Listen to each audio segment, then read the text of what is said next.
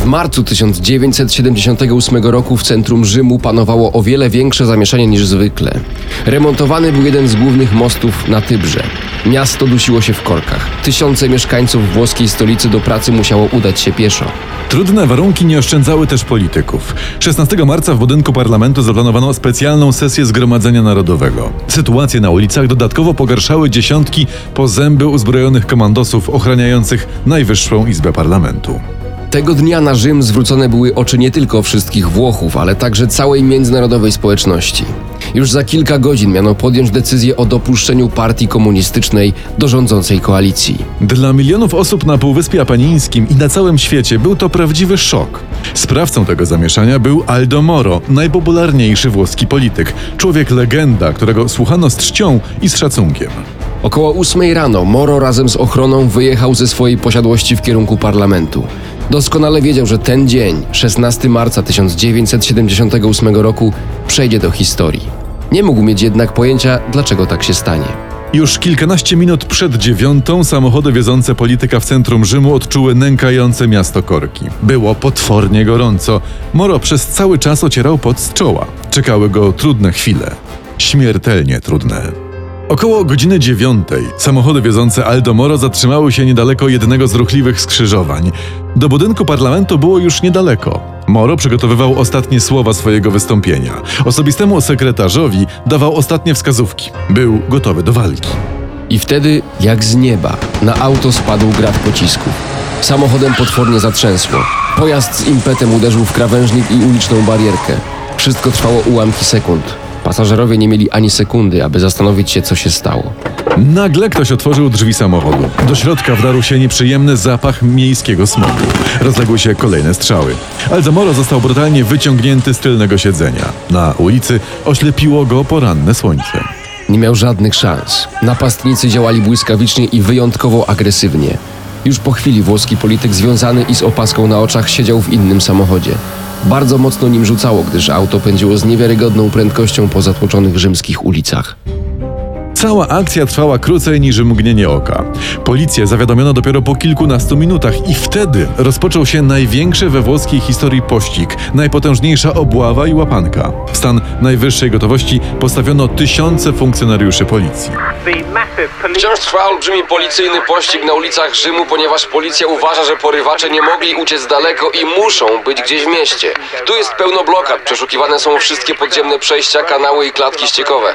Główny rzymski dziennik wieczorny na pierwszej stronie krzyczy introvabile, czyli nie można go znaleźć. Sprawcy nie mogli ujechać daleko. Korki paraliżowały wszystko. Specjalna sesja Zgromadzenia Narodowego została od razu odwołana. Nie miała żadnego sensu, jeśli zabrakłoby głównego aktora. Początkowo w porwanie tak wielbionej osobistości nie wierzył nikt. Nadchodzące 55 dni zatrzęsie całą Italią. Wyryje większe rysy niż przeżycia II wojny światowej. Rozpoczęła się afera Aldo Moro. Wieczorem 16 marca o porwaniu Aldomoro wiedział już cały świat. Losem polityka żyli wszyscy Włosi. Ogromne zamieszanie panowało w Rzymie. Policjanci byli wszędzie, postawiono setki blokad i punktów kontrolnych. Wiemy, że w tej chwili brakuje jakichkolwiek pozytywnych tropów, ale na pewno pojawiło się już setki teorii. Tak, tak, wydaje się, że była to robota profesjonalnego gangu, który został wynajęty do wykonania zadania. Oni działali wyjątkowo sprawnie. Zdołali zabić czterech ochroniarzy, zanim ci zdążyli dotknąć broni. Zamach na tak szanowaną osobę był niewiarygodny. Od razu pojawiło się też wiele teorii co do tego, kim byli sprawcy porwania. Zadawano sobie tylko jedno pytanie: czy Aldo Moro żyje? Taka psychoza miała potrwać 55 dni. Aldo Moro był pięciokrotnym premierem Włoch, wielokrotnym ministrem, liderem najpotężniejszej na Półwyspie Apenińskim partii chrześcijańskiej demokracji. Już niedługo miał zostać prezydentem. Był ceniony na arenie międzynarodowej. We Włoszech był niekwestionowanym autorytetem. Jego zdanie cenił także papież Paweł VI. Dla wielu Włochów Moro był ojcem narodu. Takiej postaci nie można od tak po prostu uprowadzić. Na dzień po porwaniu mieszkańcy Italii budzili się w innym świecie. Moro miał także wielu wrogów. Było to zrozumiałe. Tak potężna figura musiała rodzić sprzeczne emocje. Największy opór budziły jego ostatnie inicjatywy. Ten niedoszły prezydent Republiki Włoskiej chciał bowiem wprowadzić na polityczne salony partię komunistyczną, traktowaną jak trendowatą. Takie zamiary wywoływały niespotykaną zawieruchę. W debatę na ten temat wciągnięci zostali nawet szarzy zjadacze chleba. Estyma, jaką cieszył się Moro, dawała zwolennikom jego pomysłu siłę i przewagę w sondażach opinii publicznej. I właśnie w momencie, gdy Aldo Moro miał na forum parlamentu ogłosić przystąpienie komunistów do rządzącej koalicji, na jego osobę przeprowadzono atak. Nie mogło być mowy o zbiegu okoliczności. Na zniknięciu Moro zależało nie tylko decydentom we Włoszech. Do porwania Aldo Moro już dzień po uprowadzeniu przyznała się lewacka organizacja terrorystyczna Czerwone Brygady. Grupa ta od lat przeprowadzała zbrojne akcje przeciwko europejskim politykom. Tym razem jednak przekroczono pewną granicę. Terroryści w zamian za uwolnienie polityka domagali się wypuszczenia na wolność 13 towarzyszy broni przetrzymywanych we włoskich więzieniach. Rząd premiera Giulio Andreottiego odmówił podjęcia jakichkolwiek negocjacji. Już w dwa dni po zamachu Czerwone Brygady wypuściły zdjęcie żyjącego Aldo Moro oraz opublikowały listę zarzutów pod jego adresem. W całych Włoszech zorganizowano niespotykane na skalę światową poszukiwania. Policja sprawdziła domy wszystkich działaczy partii i ugrupowań sympatyzujących ze skrajną lewicą. Wydano specjalne przepisy poszerzające uprawnienia funkcjonariuszy i służb specjalnych. W powietrzu wisiała godzina policyjna. Terroryści pozwolili na wymianę listów pomiędzy Aldo Moro a rządem.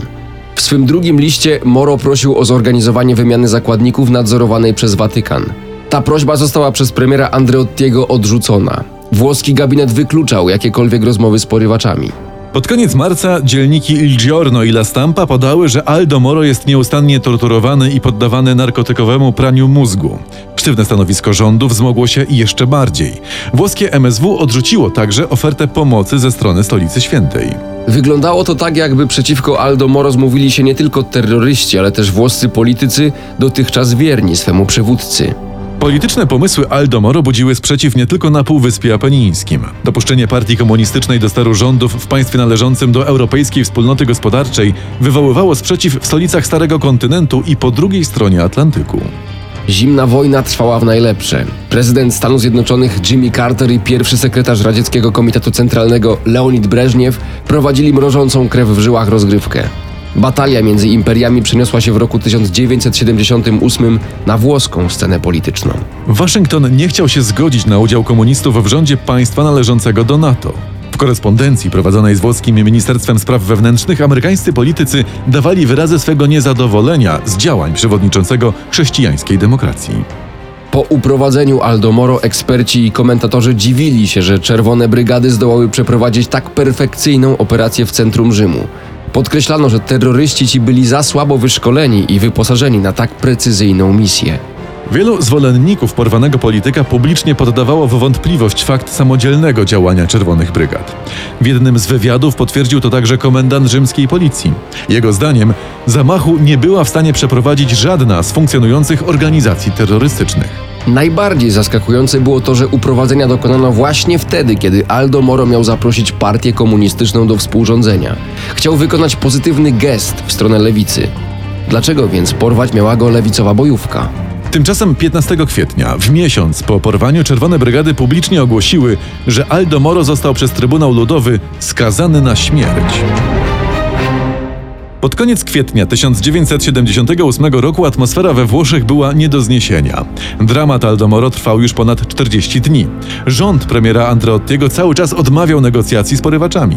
Więziony polityk napisał krytyczny list pod adresem MSW i pod adresem służb specjalnych. Bardzo ostro o działaniach rządu wypowiadała się także rodzina porwanego. Żądała ona podjęcia negocjacji.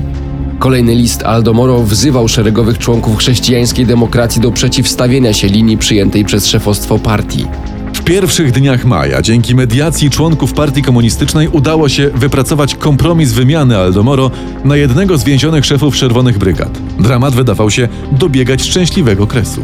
Pomysł wymiany został jednak storpedowany przez premiera Andreottiego. Terroryści natychmiast ogłosili wykonanie wyroku na uwięzionym polityku. Co więcej, na ulicach Rzymu postrzelili jednego z czołowych działaczy Hadecji oraz prezesa koncernu Fiat. Upragniony koniec tragedii przerodził się w koszmar. 9 maja nadeszła wiadomość najgorsza z możliwych. Ciało Aldo Moro, porwanego byłego premiera Włoch, zostało znalezione w bagażniku samochodu na jednej z ulic Rzymu.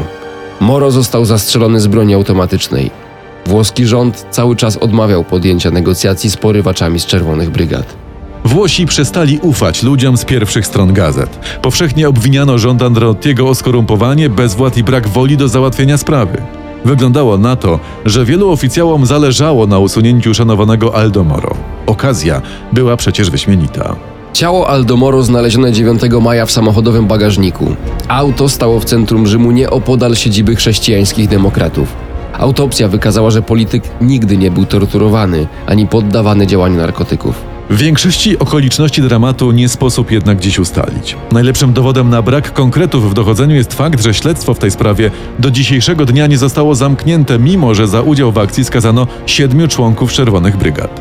Wrażenie, że terroryści korzystali z pomocy obcego wywiadu jest więc więcej niż przemożne.